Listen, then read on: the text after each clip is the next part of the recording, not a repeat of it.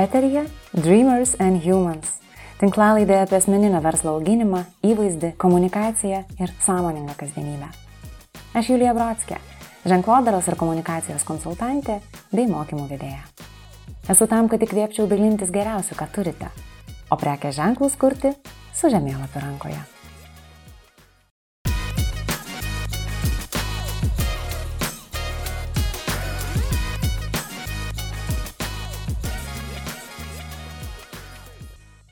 Sveiki. Šį kartą pradėsiu nuo to, kad nelabai mėgstu gaminti. Ir patiekalų receptais, madom domiuosi gan epizodiškai. Tačiau maistui dedikuotą paskirą pusryčiams seku jau seniai ir beveik niekad nepraleidžiu įrašų bei naujienlaiškių. Kaip taip išėjo? Tenka pripažinti, kad man pusryčiams paskira visų pirma yra estetiško, vientiso ir nuoširdaus asmeninio prekės ženklo pavyzdys. Tad jau seniai norėjau pakalbinti jos autorę, maisto tinklaraštininkę, laisvai samdomą tekstų rašytoją Gabrielę. Šioje tinklalaidėje apie maistą beveik nekalbėjome. Man buvo svarbu panarstyti, kaip be strategijos ir brandbookų pavyko užauginti sėkmingą ir įtakingą projektą, gimusi iš meilės valgyti lovoje ir noro realizuoti save. Pokalbio metu pavyko pasitvirtinti, kad sėkmingas asmeninis prekės ženklas gali nepaisyti visuotinai transliuojamų Instagram auginimo taisyklių, dogmų, įsitikinimų. Su Gabrielė gilinomės, kas lėmė jos prekės ženklo sėkmę. Aptarėme neorganiškuosius konkursus, skirtus sėkėjams susirinkti, bei kitus klišinius komunikacinius sprendimus. Pasidalinom savo nemailę Facebook'ui, bet pastebėjom jo grupių renesansą. Narpliojame turinio kurėjo kasdienybę, pasirinkimą išjungti norą transliuoti čia ir dabar bei offline dienas. Truputį pakritikavome perfekcionizmą, vidinius kritikus ir prisiminėm, kaip svarbu pripažinti savo klaidas, puoselėti skaidrumą, autentiškumą ir santykio kūrimą komunikacijoje, kuomet ne ką mažiau svarbus tampa atsakinėjimai į žinutės, reagavimai į komentarus. O dar gvildenome norą viską viską daryti pačiam. Influencerio etiketės baidimasi, mokymasi sakyti ne ir svajonės. Uf, geriau paklausykite patys. Ir būtinai pasiekite Gabrielę. Ji gyvas, stipraus, modernaus ir kūrybiško prekės ženklo pavyzdys. Labas rytas, Gabrielė. Labas rytas. tu žinai, aš turėjau tokį juokingą dalyką šią naktį. Aš sapnavau, kad tu ateini pas mane į svečius ir atėjai kartu su kopa, su savo kalyte ir mes susėdami rašinėti šito podcast'o e, prie tokio apvalaus šokoladinio stalo, kurio aš net neturiu namuose. Rašinėjom, rašinėjom, rašinėjom ir sapno kulminacija yra ta, kad aš pagaunu, kad aš pamiršau paspausti recording arba įrašinėti mygtuką ir aš pabudau iš to siaubo ir iš to streso. Tai eilinį kartą, žinai, tai man primena, kad aš turiu va, tam tikrų baimių susijusių su komunikacija ir su visokiais kuriozais, kurie uh, gali nutikti. Ir kažkada tai vieno podcast'o įrašinėjimo metu taip ir nutiko, aš iš tikrųjų pamiršau įrašyti. Žodžiu, aš ką noriu pasakyti, aš žinoma labai laukiu šito pokalbio su tavimi ir o jaučiu šiokį tokį jo svorį. man labai labai didelis džiaugsmas, kad tu jame dalyvauji. Tai ačiū tau labai. tai ačiū labai, kad pakvietei, man labai smagu, kad apskritai gaunu galimybę galimybę kažkam papasakoti apie savo šitą veiklą, kuri vis tiek mhm. prasidėjo nuo užklasinės veiklos, tai vis tiek kiekvienas toks pakvietimas man kaip įvertinimas. ja, iš tikrųjų. O sakyk, o tu turi kažkokių baimių susijusių arba kažkokių tokių nutikimų, kur tu jau nenorėtum, kad pasikartotų, kas, kas liečia, pavyzdžiui, komunikaciją? Man atrodo, kad aš gal nebijau visų reikalų, kuriuos kontroliuoju pati, tai yra vis tiek aš pati žinau, kokią aš turinę sukuriu, paleidžiu, maisto tema nėra labai kontroversiška, kad aš galėčiau tam susilaukti kažkokios labai neigiamas reakcijos, kurias, aišku, natūralu, kad būna, bet iš tos pusės nelabai, bet man, žinoma, visi baisus yra pasirodymai kažkokiai gal labiau viešoje erdvėje, kur mm. jeigu vyksta kažkokie laivai, ar, žodžiu, įrašinėjai, vad kaip dabar podcastus, tai visada mm. atrodo, kad, nu, čia jau reikia kažkaip save pakontroliuoti ir bet ko net išnekėti. tai gal mm. tokie viešesni dalykai daugiau kelia baimę, nors aišku, ten kokio recepto įkelimas, tai irgi, jeigu įkeli kažką, tai visada yra toks mažas jauduliukas, tai gerai, man pavyko, iš kelių kartų pabandžiau, bet ar kitam čia tikrai viskas bus gerai, juk mūsų orkai tas skirtingos, tai žodžiu, būna ir tokių mažesnių dalykėlių, bet šiaip labiau gal apie viešą komunikaciją, kurios negali kontroliuoti. Mhm. Labai suprantamas dalykas, nes iš tikrųjų tai, kas yra už mūsų kontrolės tarsi ribų, ten jau yra tokia nepažinta teritorija ir mes net nežinom, ko tikėtis. O kaip tu sekasi įveikti, bet tarkim, tą baimę? Aš kažkaip stebėdama tave, e, Instagrame susidarau tokį įspūdį, kad labiau tokia intravertė esi. Ir tie, tie visi bet išėjimai į sceną nėra toks second nature dalykas. Oi, visai ne, aš esu tikrai labai intravertiškas žmogus ir aš netgi, kai tik pradėjau šitą veiklą, Tai e, visi, man atrodo, praeina tą kelią, kur reikia tiesiog atsidaryti front kamerą, tai yra priekinę kamerą ir pradėti ją šnekėti. Tai pirmi kartai buvo trauminiai dėl to, kad atrodo šimtą kartų save filmuoji ir e, vis tiek yra kažkaip baisiniai jauku, tai tą barjerą pirmiausia įvykiau, bet po to, ką aš ilgainiui supratau, kad e, man vis tiek nėra jaukus tas, kad ir labai dažnam elementarus savęs filmavimas ir kėlimas ir netgi jeigu čia taip labiau paanalizavus tai ką aš dariau instagrame čia per šituos porą metų tai jeigu aš pradžiai ir bandžiau save priverst aš dabar suprantu kad aš neturiu labai didelio poreikio kažkaip labai save filmuoti dažnai ar kažkaip daugiau savęs ten rodyti ir ilgainiui per kokius gal nežinau metus pastaruosius išsigrynino kad man yra patogiau būti žmogumi už kadro ir jeigu aš galiu būti žmogus už kadro, tai aš juo ir būnu. Ir, žodžiu, visi tie išėjimai, kurie yra man nejaukus, tai yra galbūt tam kažkokie pasirodymai televizijai, dalyvavimai radio laidose, tai aš aišku perlipu per save, suprantu, kad tai yra svarbu ir man, ir galbūt tiem žmonėm, kurie mane seka. Tai, žodžiu, visas savo baimės ir nejaukumus įveikiu, bet jeigu yra dalykų, kuriuos galiu rinktis, tai yra, pavyzdžiui, būti labiau žmogumi už kadro, tai aš tą ir darau. Aš beklausydama tavęs, galvoju apie visus tos žmonės, kurie siekia būti stipriais asmeniniais prekių ženklais ir kurie siekia susikurti vat, stiprų Instagram profilį ir dažniausiai ką jie daro tokiais atvejais. Na, jie eina per įvairiausius mokymus, jie seka daug įvairių, tikrai yra stiprių profilių ir lietuvių kalba, ir anglų kalba, kuriuose yra mokama, mokoma, kaip tą stiprų profilį susikurti. Na ir kaip taisyklė, ten iš tikrųjų yra daug e, įvairiausių patarimų. Vienas iš tų patarimų tikrai e, būna tas, kad, na, pradėkite save filmuoti, kad žmonės jūs pamatytų, e, pamatytų, kokia jūsų energetika, koks jūsų balsas ir taip toliau.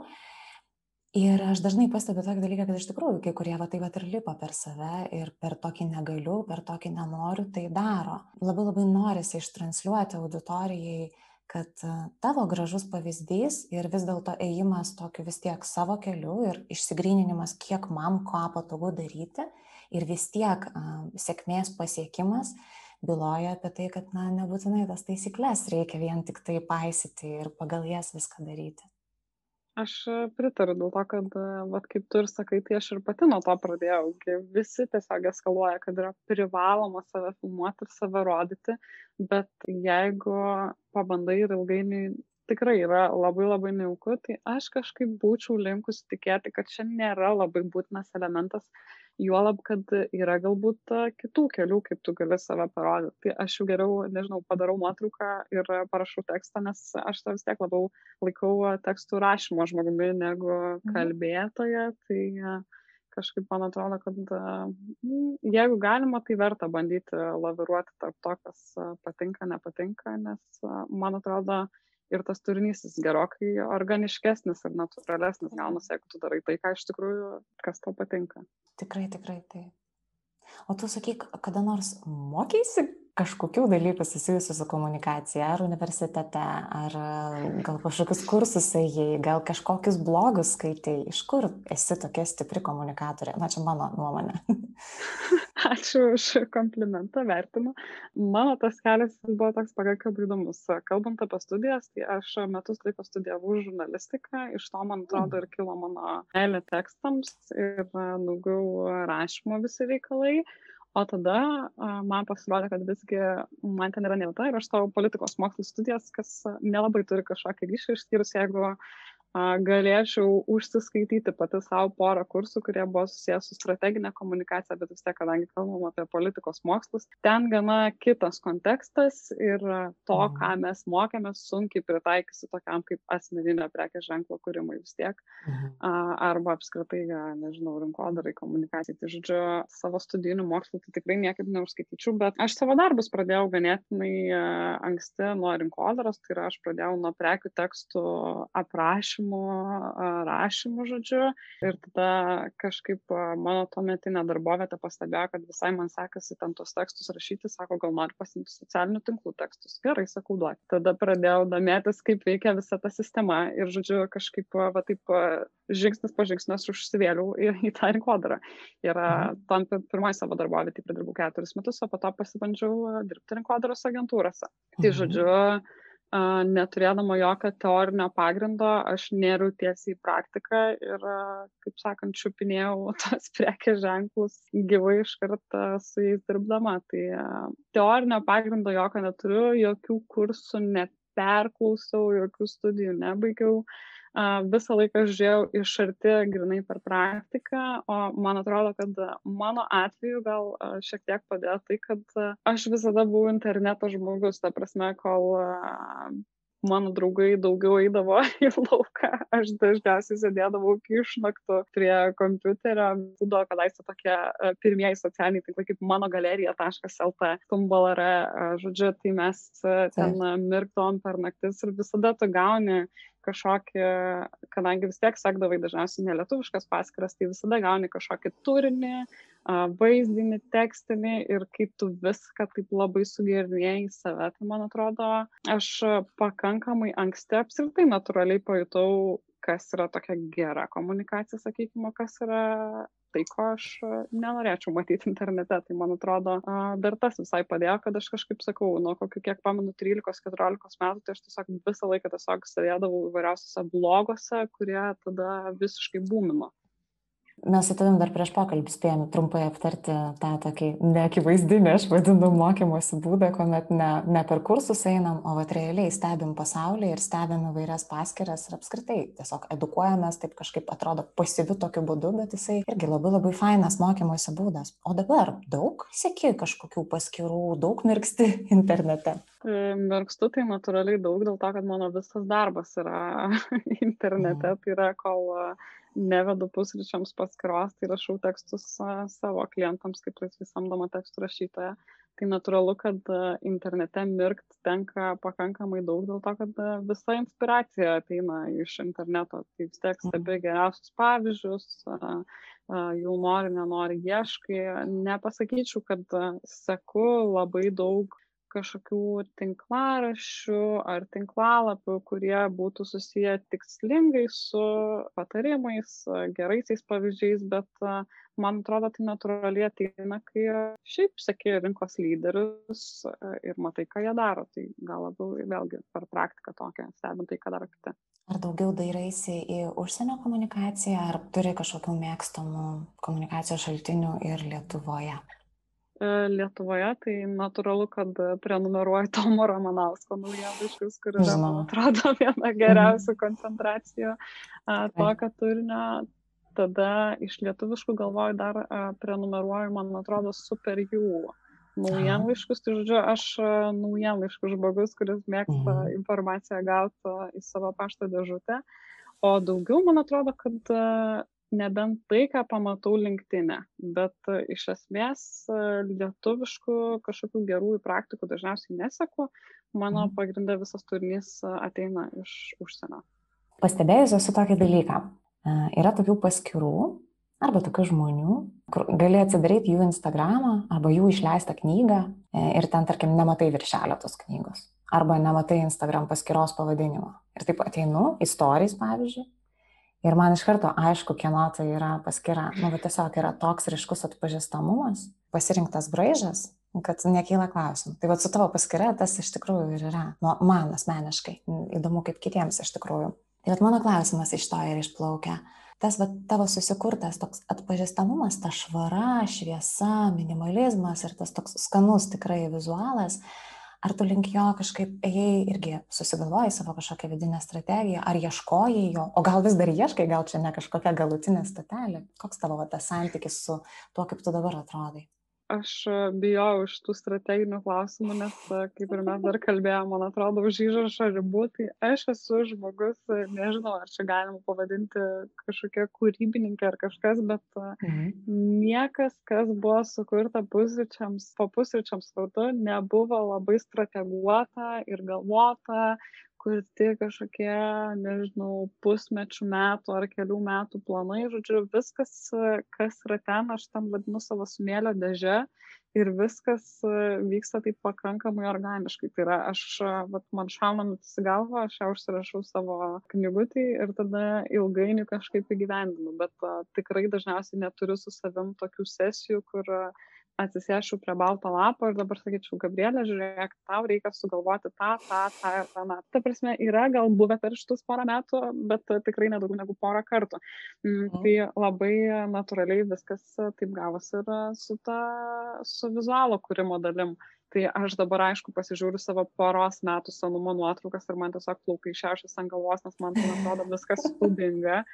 Bet kai tik pradėjau pradžiai tą daryti, tai jau tada buvo žmonių, kurie sakė, wow, kaip netikėta, nuostabu ir gražu, nors aišku dabar atsižvelgus man tam tai atrodo tragedija, bet uh, esmė tame, kad tas uh, vizualas, tai jisai yra pakankamai susijęs, man atrodo, su pačia pusryčių uh, idėja, kaip uh, kilo man uh, mintis sukurti šitą tinklaraštį. Dėl to, kad kažkaip nuo pat vaikystės aš labai prisimenu, kaip mano tėvai visada neždavosi pusryčius į lovą. Taip, aš studijų laikais visada mėgdavau pusryčiauti lovą, tai žodžiu, kažkaip natūraliai kilo ta mintis tam fotografuoti ne ant kažkokių lygių paviršių, kaip yra gana įprasta maisto tinklaraštininkų kultūrai. Tai yra, tu turi, realiai kaip atrodo visas backstage'as, tu turi kažkokią plytelę vos ne, dedi ant tos plytelės ingredientus prie lango ir viską sustatai tokį netikrą peizažą, kuris atrodo lyg virtuvės stalviršio paviršius, bet iš tikrųjų tai tam turi tiesiog sudėliotą tokią mhm. alternatyvę koncepciją. Tai žodžiu, man kažkaip labai norėjosi to natūralumo visada, tai aš ir sugalvojau, kad aš darysiu taip, kaip, kaip yra ir realybėje. Tai yra, jeigu aš valgau mhm. lovą, tai aš ir fotografuosiu lovai. Tai ir iš to natūralumo kažkaip viskas ir išplaukia galiausiai, kad nėra labai uh, ryškių spalvų, nėra kažkokių dirbtinių šitų fonų, nėra jokių fanfarų, fejerverkų, apie bombasų, yra tiesiog mhm. natūraliai sudėlioti dalykai, kaip kad aš pati daryčiau. Tai ir, ir bendras vaizdas, man atrodo, toks ir gaunasi dėl to. Mhm. Žodžiu, kurdama pusryčiams tikrai nekūrė kažkokio brandbuko su atitinkamais fontais, rėmais, taisyklėmis ir panašiai. Ne, ne, bet aš vis tiek natūralu, kad kai tu kiekvieną žiūri, kiekvieną dieną žiūri tą patį, tai gimsta noro kažkokio atsinaujinti, pasikeisti. Mhm. Yra tokių planų, kurie atsiranda apgalvojant, pavyzdžiui, kad atėjo laikas atnaujinti tinklaraštį, jo dizainą, tai, kas matoma dažniausiai kiekvieną dieną vartotojui, tai matoma tai, kas gimsta, nežinau, tiesiog mhm. bekuriant natūraliai.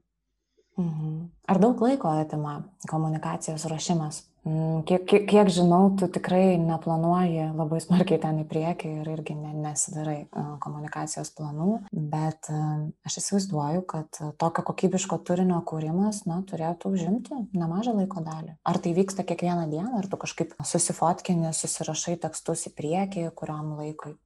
Turiu idėjų sąrašą, kurį aš norėčiau mhm. gyveninti ir aš jį pabandau kažkaip paskirstyti laikę. Dažniausiai skiriu vieną dieną, pažiūrėjau, gaminimui ir fotografavimui, o tada tarkim, tekstų kūrimą, nuotraukų retušavimą jau paskirstu per kitas dienas, tai, nes pakankamai sudėtinga būna, jeigu vieną receptą nusifotografuoji, tada iš karto eini retušuoti, tada eini rašyti tekstų, tai žodžiu labai daug blaškimosi ir geriau aš stengiuosi tai daryti koncentruotai, tai yra pasirašę kelis receptus išsitestuoji, tai dažniausiai užtrunka, nežinau, vieno recepto testavimas, tai bent jau dvi valandos, tai tikrai dėl to, kad vis tiek kol viskas susisveri, kol pagaminė, po to negali palikti bardako, tai žodžiu, bent dviejų valandų tai tikrai reikia vienam receptui, tai geriau taip viską man ir yra daryti gabalais, tai yra vieną dieną skiri gamybai, a, tada mhm. aišku pagamini iš karto susifotografuoju, o tada likusios dienos jau būna retušui, tekstų rašymui ir panašiai. Bet uh, įsivaizduoju, kad vieną įrašą paruošti, bent jau tokį, kokį aš rašau standartiškai, nes vis tiek 90 procentų turbūt mano feedo įrašų užima receptai, tai trunka kokias keturias valandas gal, keturias penkias. Tada reikia sutvarkyti visus SEO dalykus, tada dar reikia mhm. pasiruošti atskirą tekstą socialiniams tinklams tada dar reikia pasiruošti storis, tai žodžiu, visą tai išsiplečia mhm. visai ilgesnį laiką. Tai jeigu aš per savaitę noriu pareišti bent porą įrašų, tai ir gaunasi bent jau pilna darbo diena jiems pasiruošti. Ir aišku, reikia nepamiršti to kasdienio darbo, kuris yra atliekamas telefonu keliant stories. Tai jau mano brangus žino, kad jeigu aš tiesiog kažkur tyliai nueinu į kampą ir nėra nei jokio krepšt, tai jau žinoma, kad yra keliamas stories. Čia kaip maži vaikai, jeigu žinai, kad tyla namie, tai tada, tada kažkas vykstantis su manim ir kitas pats, jeigu jau aišku, kad aš tyliai kažką ten darau prie telefono ir matosi kažkiek keisti rankų judesiai, nu, tai turbūt kažkas yra ten piešiama ir daroma.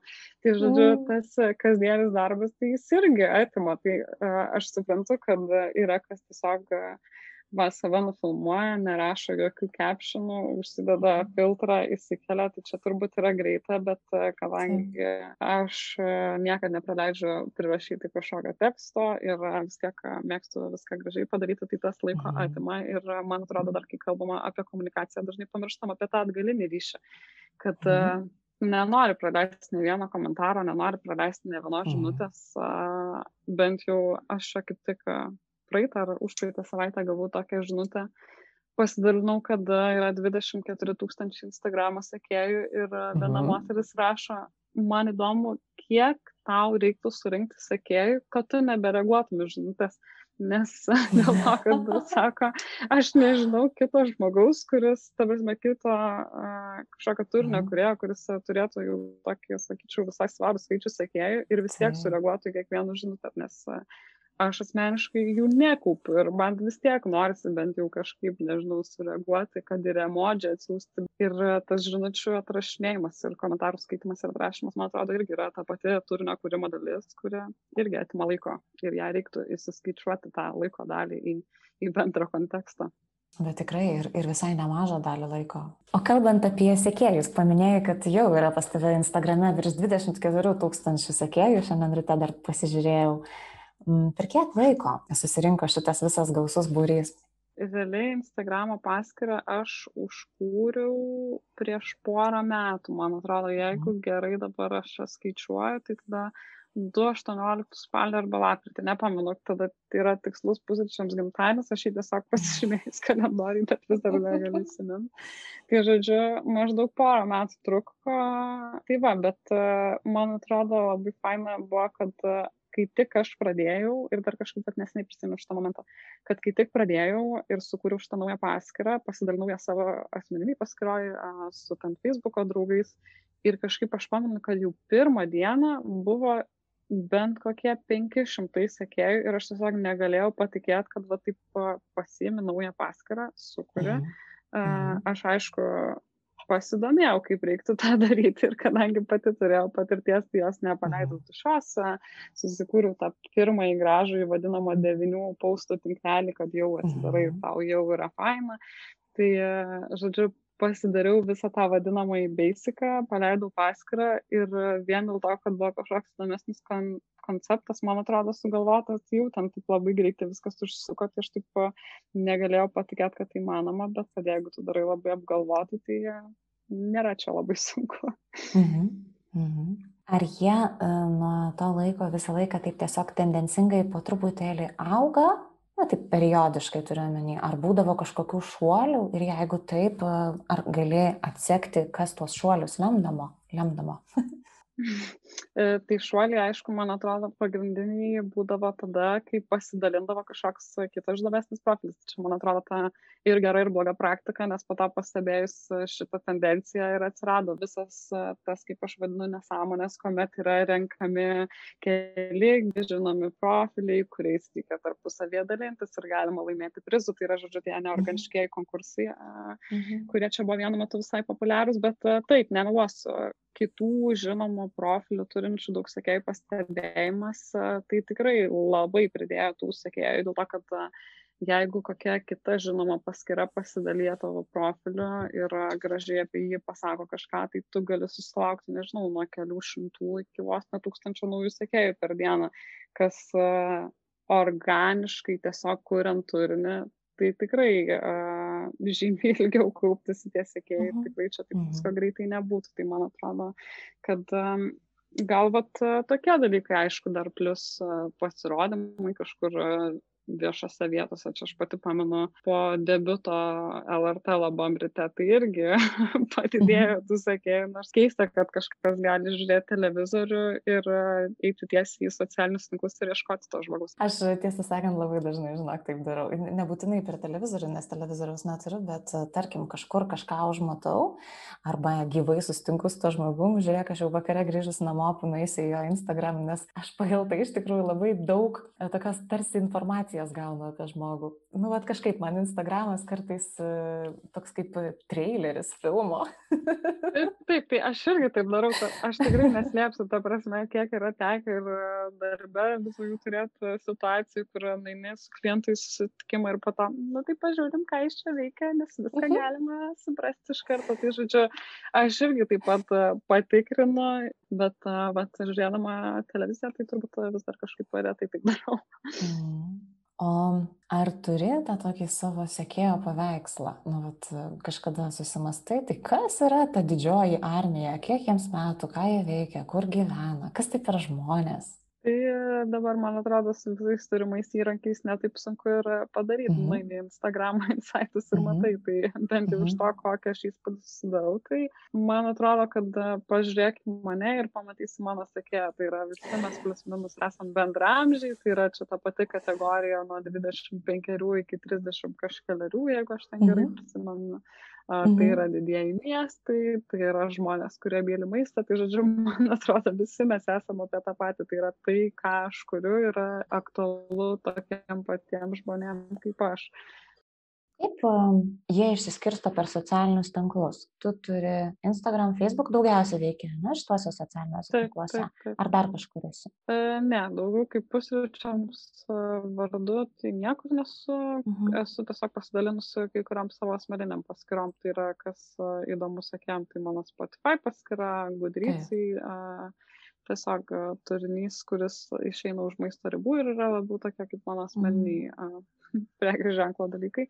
O kalbant e, apie pasiskirstimą skirtingose tinkluose, tai e, taip, e, žinoma, kad skiriasi auditorija, todėl kad Facebook auditorija natūralu, jinai yra vyresnė, tai yra į Facebooką mhm. suplūdo ir visos vyresnės sekėjos. Ir, žodžiu, aš, jeigu atvirai nedirbu beveik su Facebooku, tai yra mano visos pastangos nueina Instagramui.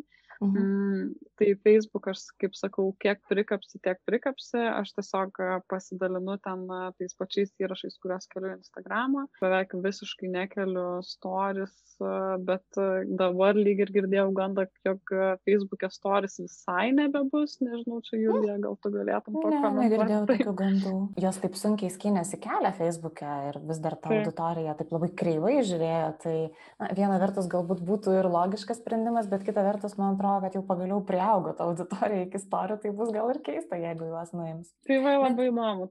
Labai atliepiu tai, ką sakai, nes turiu labai panašų santykį su Facebooku ir kažkaip nemyliu jo, o kai nemyliu ir net nenoriu užeiti į tą socialinį tinklą, tai kažkaip jisai toks palaidas truputį. Kažkas vyksta, bet per daug ten nesistengia dėl to turinio. Ne? Mhm. Taip, taip, tai mano irgi lygiai tokia pati situacija, kažkaip nei aš seku ten pati labai kažkokią turinio, tai prasme, nuo senų laikų mano Facebook'o siena yra skirta portalų naujienoms, tai mhm. iš serijos atsidarai Facebook'ą, pažiūri, kas įvyko pasaulyje ir tada jį uždarai, nes nei ten kelia kažkokie tavo draugai ir pažįstami kažkokį turinį, dėl to, kad viskas tiesiog labai organiškai perskelia Instagramą, nei yra kažkokių prekės ženklų, kuriuos aš norėčiau stebėti, nes vėlgi viską darai Instagram'e, tai žodžiu, per prievartą nueini, įkeli tą patį įrašą, kad tiesiog nebūtų užmiršta ta auditorijos dalis, bet šiaip mano įdirbė ten visiškai jokio nėra. Galvau, dar užklausiu tokio asmenišką klausimą truputį. Vėlgi, kuomet yra mokamasi kurti stiprų asmeninį prekės ženklą, viena iš tokių koncepcijų yra na, skatinama visgi kalbėti ne tik tai apie savo profesinius dalykus ir ne tik tai žmonėms kurti tą tokią tikrą vertę tavo atveju, ne, tai yra ir patarimai, ir receptai, ir tikrai gražios inspiracinės nuotraukos, bet tuo pačiu ir transliuoti vat, kažkokią savo asmenybės dalį. Laisvalaikiai, hobiai, vertybės ir panašiai. Tai mano klausimas tau būtų toks, ar esi, tarkim, savo viduje apsisprendusi, kiek aš savęs ir savo gyvenimo noriu transliuoti, ar galbūt netgi yra tekę susitarti su artimaisiais giminaičiais, draugais, partneriu apie tai, kad vat, mūsų tai čia nedėk į savo stories, ar ten netagink, ar dar kažką. Labai geras klausimas, nes aš kažkaip vis susimastau pastaruoju metu apie tai, kuo daugiau, kuo toliau, tuo labiau. Ir kažkaip vėlgi viskas taip labai natūraliai pakankamai vyksta dėl to, kad ką aš pastebėjau iš savo asmeninės patirties, tai kai tu turi tuos pirmuosius tūkstančius sekėjų, tai tie sekėjai, jie dažniausiai vis tiek būna susibūrę tokie iš pakankamai panašaus socialinio burbulo rato. Tai yra, yra panašesnis ir amžiaus vėžis, ir miestas, ir atrodo, kad visi mes čia tokie praktiškai kaimynai ir žodžiu yra toksai artimesnis ryšys ir tiek tos bendruomenės, tiek su, nežinau, kad ir demografinių rodiklių. Ir tada kuo labiau ta auditorija plečiasi, tuo tu labiau pajūti, jog į tavo asmeninę erdvę, tavo va, tą paskirtą pradeda eiti daugiau žmonių, su kuriais tu ne visada sutinki ir kurie jau galbūt yra iš kažkokio tolimesnio rato. Ir Apskritai aš pastebėjau tendenciją, kad žmonės yra linkę vis daugiau sauliaisti internete, kalbant apie įvairiausias replikas, patarimus, žinutės. Tai, žodžiu, mhm. vis augant tai auditorijai, aš pastebėjau, kad man norisi kažkiek save apsaugoti, apsaugoti artimesnius savo žmonės ir mhm pasilikti kažkokią asmeninę savo gyvenimo mm, dalį tik tai savo. Tai e, nesu turėjus labai didelių diskusijų su savim, kurią dalį rodyti, o kurią ne. Bet tiesiog jaučiu, kada yra jau kažkiek per daug ir ką norisi pasilikti tik savo ir yra dalykai, apie kuriuos aš pasakoju. Tai, pavyzdžiui, labai elementarus pavyzdys yra mhm.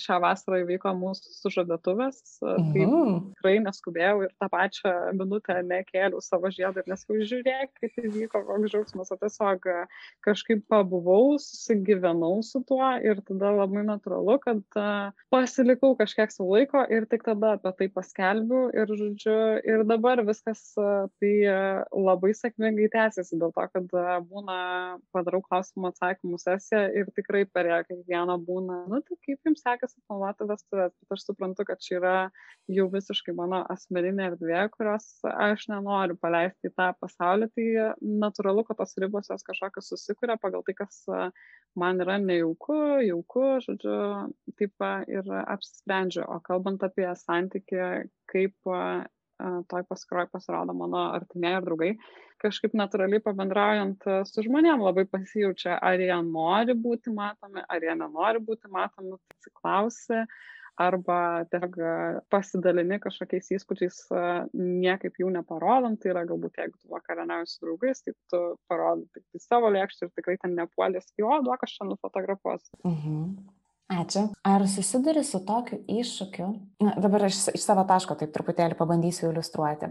Kai įpratę esame aktyviai komunikuoti, tai dažnai būna taip, kad kur be eitum, ką bedarytum, yra toks įjungtas tarsi radaras, oi, čia gal reiks nufotkinti, nes čia gal kažkokią istoriją panaudosiu, o čia gal kažkokiam paustui, o čia gal kažkur prireiks. Ir nesvarbu, ar keliauji, ar tiesiog valgai.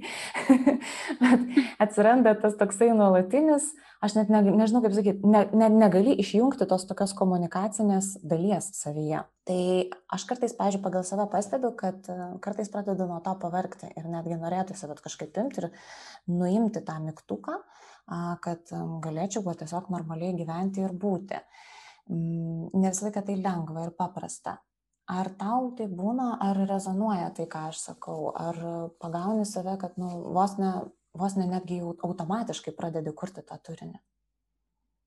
Vai, labai, labai čia rezonuoju ir labai man artimas šitas mhm. jausmas, bet aš kartais pajaučiu, kad aš tiesiog pavargstu ir nebūna taip labai dažnai, bet pavyzdžiui, kuo daugiau dirbu, kurdama pusryčiams turinį, tai tuo, pavyzdžiui, pastebėjau, kad man vis mažiau norisi dirbti prie tos savaitgaliais. Tai yra, aš darbą vadinu ir tai, kad uh, tu tiesiog e, fotografuoji tai, ką tu veiki ir keli socialinius tinklus. Tai, žodžiu, e, netgi sekėjai, man atrodo, pastebėjo, kad savaitgalį dažniausiai iš manęs turinio nebūna labai daug, nebent aš kažką, nežinau, paveikiu dvi dienas, kad tada sekmanį vakare sukeliu mhm. samapą, kad važiuokit čia, tą valgiau, tas buvo gerai, e, bet tikrai nenoriu, kad būtų kuo daugiau tokio nuolatinio transliavimo, nes vis tiek ilgainiui tai pavirsta tavo darbo ir nori, nenori, tai užima laiko ir kažkaip išbalansuoja bendrą tavo veiklą, ta prasme, tu kažką veiki, veiki, veiki, gerai leidi laiką ir tada, o ne, man reikia paimti telefoną, nufotografuoti, kažką įkelti, parašyti.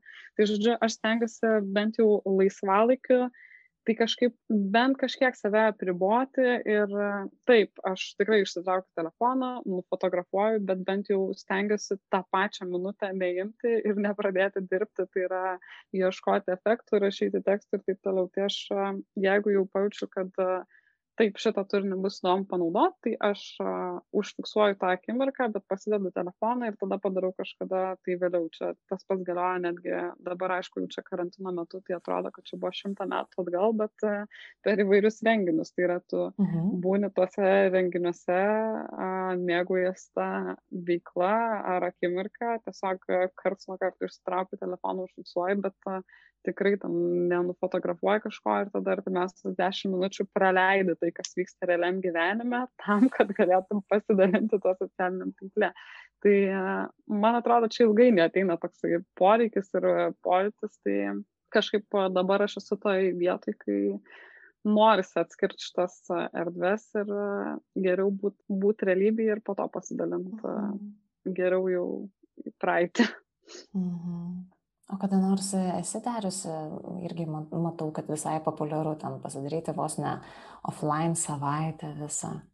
E, man atrodo, kad aš jau tiek saugus su tais socialiniais tinklais, kad nesu nekartą dariusi dėl to, kad sakau, kai pradedi mirkti po 13-14 metų visą tai internete, tai žodžiu, kažkaip jau čia atrodo normali tavo dienos dalis, bet aš pastebiu, kad man tiesiog būna tokių dienų, kur man nereikia pasiskelbti, kad tai bus offline diena ar mhm offline savaitgalis tiesiog natūraliai neimi telefoną į rankas ir viskas. Man atrodo, kad aš kažkaip labai kritiškai žiūriu iš tuos paskelbimus, jog žiūrėkit, aš dabar visą savaitgalį nebūsiu socialiniuose tinkluose, nes tu gali tiesiog nebūti ir niekas nepastebės. Mes visi šiais laikais esam tokie susireikšminę ir atrodo, kad o ne, aš dabar savaitgalį čia kažko nepasidalinsiu ir visi galvos, kur čia dingo Gabrielė iš pusryčiams. Niekas net nepastebės, jeigu tu nieko neįkelsi kelsi ir reikia tiesiog paprasčiau žiūrėti šitą reikalą ir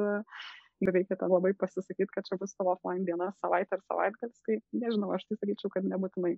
Čia, žinai, užkabinai tą temą, kurią irgi dažnai bandau užtransliuoti savo klientam, kad, na, mažiau įsivaizduokime ir galvokime, kad daug kas apie mus galvoja, daug kas ten labai mus stebi ir tikrai e, informacijos srautas yra didžiulis ir jeigu ne mus, tai kažką kitą būtinai stebės ir jeigu kažkam reikia ten pusę dienos skrolinti, nu, nebus problemų. Turinio yra taip, labai taip. daug. tai aš visada apie tai pagalvoju, kai ir pati kuriu turinį, kad ar tikrai man čia dabar reikia kažką, ar tai dubliuoti, jeigu yra kažkoks trendas, ar čia man tikrai mm. reikia kažkaip pasiskelbti, jeigu aš nesinaudosiu. Tai, ta prasme, to turinio yra tiek, kad čia niekas net nepastebės. Tai mhm. tiesiog taip paprastai stengiuosi ir žiūrėti. Tai, žodžiu, Gabrielė, tau nebūna taip, kad kažką įkeli ir tada po 30 minučių ištrini, nes nusprendi, kad oi, ne, čia kažkokią nesąmonę padariau. E, turbūt gal yra buvę dabar prieš porą mėnesių, kai įkėliau receptą ir supratau, kad įkėliau nesąmonę, tai tada tikrai ištryniau, ir, bet nebūna taip, kad ištrinu ir tada apsimetu, kad nieko neįvyko. Tai ta prasme, ten aš supratau, kad aš padariau klaidą, tiesiog elementariai blogai nufilmavau, praleidau ingredientą ir be jo būtų buvę viskas ne taip.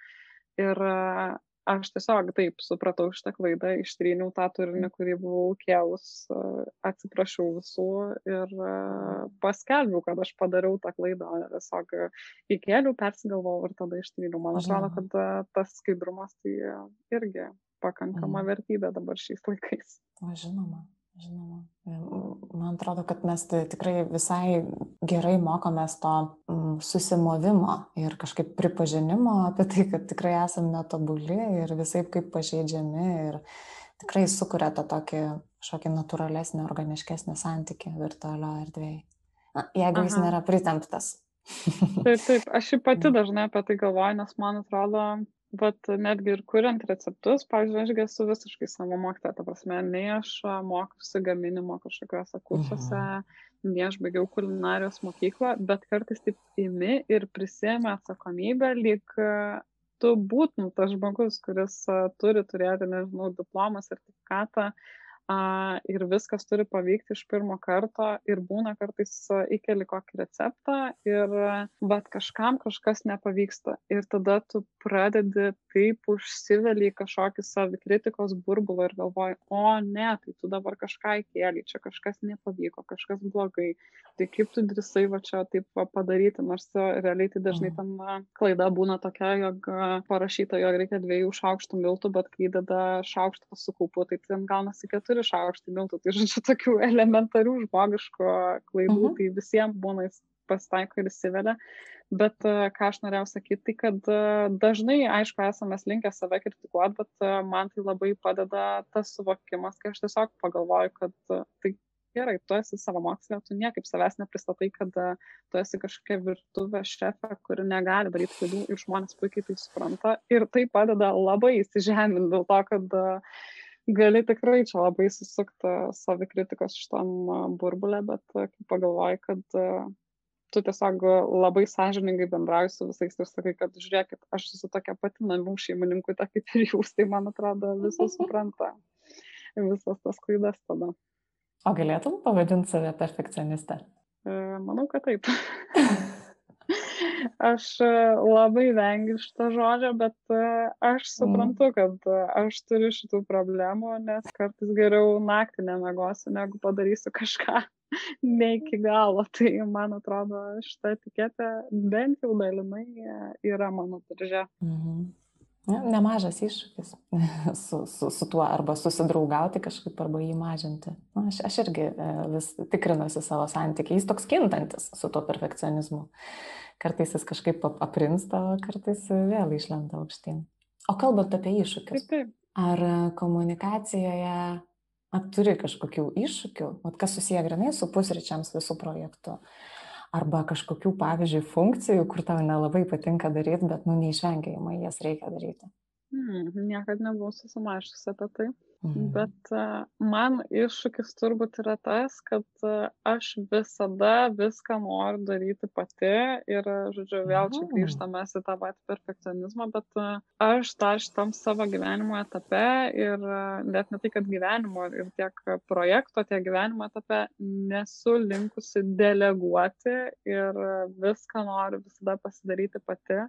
Tai man didžiausi iššūkiai ir būna, kai tiesiog reikia, reikia viską daryti pačiam. Tai yra, tau reikia būti tavo buhalteriu, tavo mhm. programuotoju, tavo, nežinau, fotografu, retušuotoju. Tai žodžiu, ir kai tu bandai viską pasidaryti pats, tai tu supranti, kad negali pasidaryti kokybiškai, tai man dabar iššūkis yra tiesiog šiek tiek atsipalaiduoti, taip sakant, let it go ir atiduoti žmonėm daryti dalykus, kurie, kuriuos jie gali daryti. Čia, pažiūrėjau, ypač kalbant apie visą tą techninę dalį, dažniausiai būna šita problema, nes tai pusryčiams nėra tik Instagram paskira, yra ir tinklaraštis, dabar jau yra ir elektroninė parduotuvė, tai kai reikia susigaudyti visuose techniniuose dalykuose, tai yra ten tų veiklų iki kaklo. Tai žodžiu, man atrodo, pagrindinis iššūkis man dabar bus suprasti, kaip reikia, nežinau, pasidalinti kartais darbais su kitais. Tai čia va yra tokia problema, sakyčiau. Aš tai klausausi tavęs ir aš neįsivaizduoju, ta prasme, ar tu turi kažkokių klonų, nes kai aš įsivaizduoju, kiek reikia visko sufotografuoti, aprašyti, e, sumontuoti reilsus, tada prasideda SEO, tikrai nuostabių naujienlaiškių kūrimas. Ir vad kaip tu pati sakai, parduotuvė, tai reiškia, kad ir pakavimas, ir mm, kada, kaip. Tai ir nepamirškim, kad čia nėra dar mano pagrindinė veikla, iš kurios aš gyvenu, tai čia dar kažkaip viskas dalysi.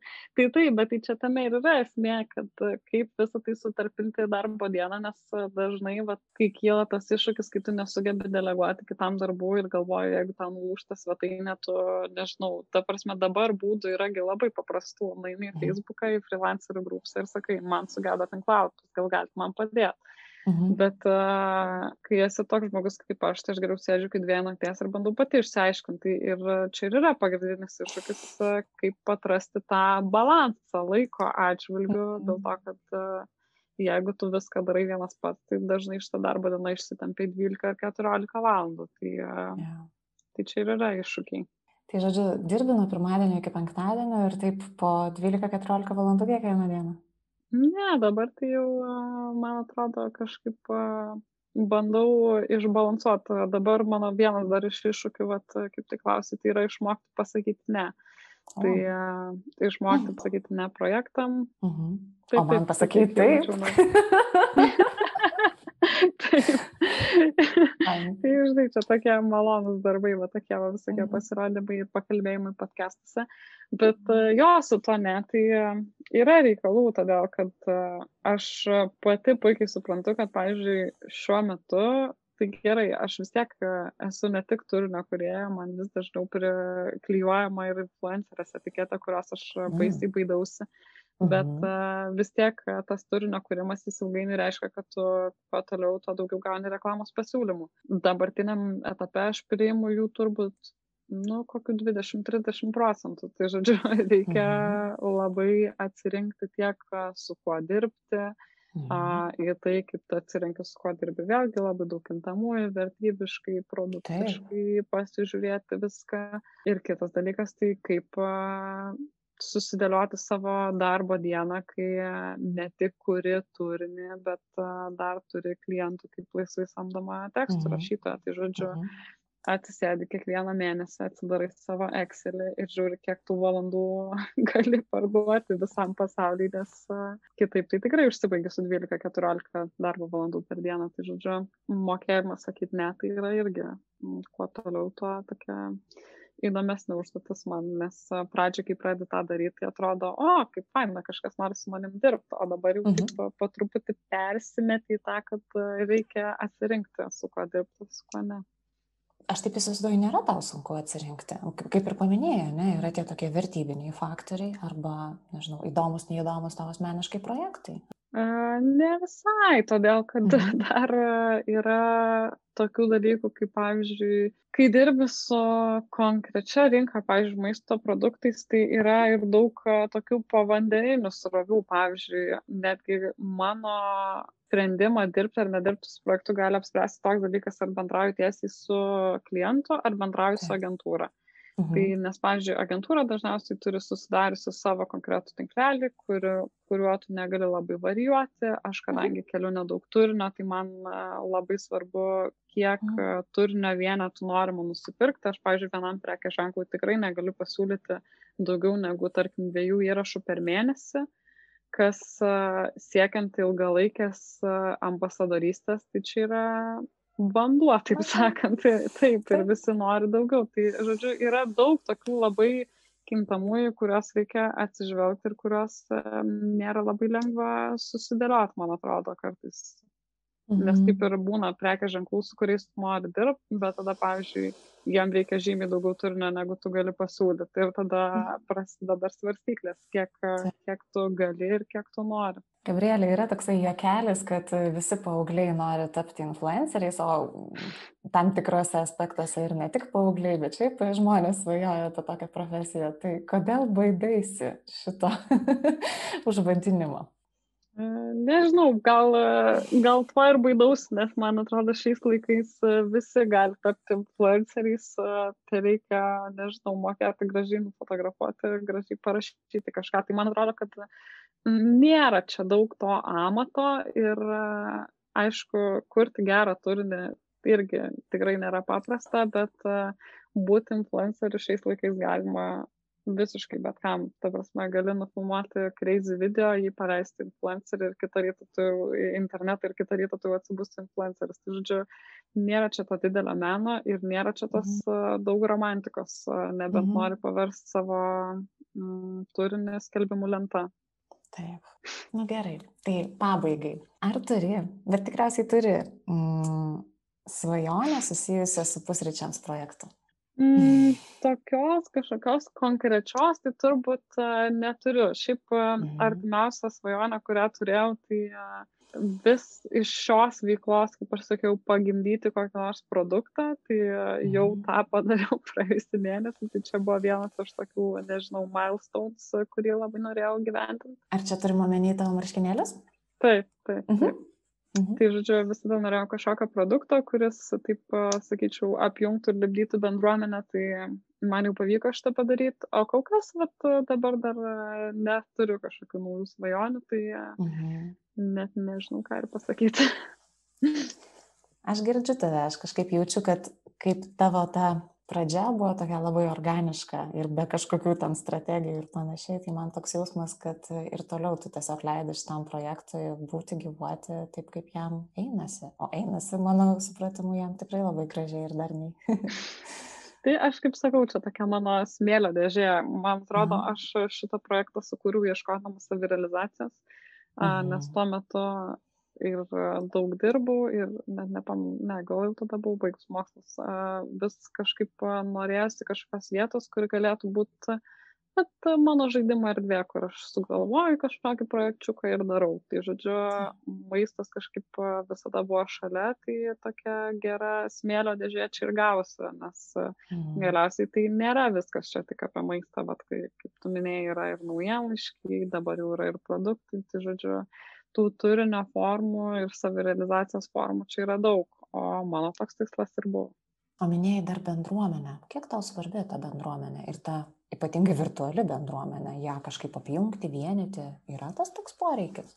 E, aš kažkaip e, niekad e, labai nestrategavau šito, bet man atrodo, kad svarbi ir tai pasako jau vien tai, kad aš nepraleidžiu ne vienos žinutės ir kažkaip bandau šitą išlaikyti. Tai taip, aišku, kad svarbi, man visada įdomi mano sakėjai nuomonė, man visada įdomu užkurti kažkokias diskusijas, kur po to dvi valandas negali išlysti iš telefono, nes tiesiog visi vieni kažkaip reaguoja į kelią vieną pasidalymą, tada dar užsisuka žodžiu. Tai faina, man patinka bendruomenės kūrimas, man patinka bendrauti su žmonėm, kurie seka labai smagu, kad tie žmonės nebijo irgi pasidalinti savo patarimais, įžvalgom. Aš jų dažnai klausiu, jie kartais man parašo ir neklausti. Tai žodžiu, yra tas toks informacijos visą laiką dalymasis, tiek aš sužinau daug naujo, jie turbūt iš manęs irgi sužino daug naujo, kitaip turbūt nesektų. Tai smagu, kad yra ta bendruomenė ir aš vis galvoju kažkaip, kaip ją dar čia taip apjungti, tai dabargi Facebook'o grupės irgi išgyvena renesansą, tai galvoju, gal mhm. vat, to žmonės būtų galima taip apjungti, tai yra, yra visokių planų, kaip mhm. dar taip pavienyti ir sukurti platformą labai bendravimui, nes dabar tas bendravimas tai toks dviejų krypčių. Tai yra vienas žmogus rašo man ir aš atrašau tam kitam žmogui. Tai mhm. norisi gal sugalvoti būdą, kaip tas bendravimas galėtų labiau vykti, nežinau, kažkaip ratu, tarpusavį ir panašiai. Mhm. Labai patinka šitą idėją.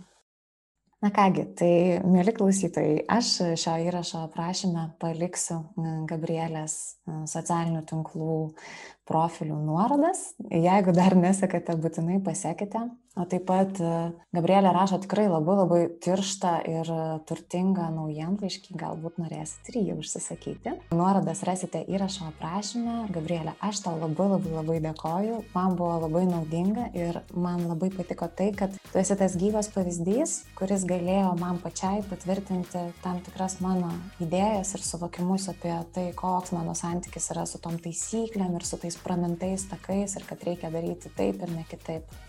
Tai ačiū Julija labai, kad pakvietei. Man buvo labai įdomu pasikapstyti šituose klausimuose, bet vis tiek, kai kiekvieną dieną tiesiog natūraliai darai, galim sakyti tą patį per tą patį, tai retai sustoju ir pagalvoju, o kodėl čia taip darai, o kam čia tą reikia, o va ta tokia pokalbė yra gera proga. Ačiū ir iki. Iki.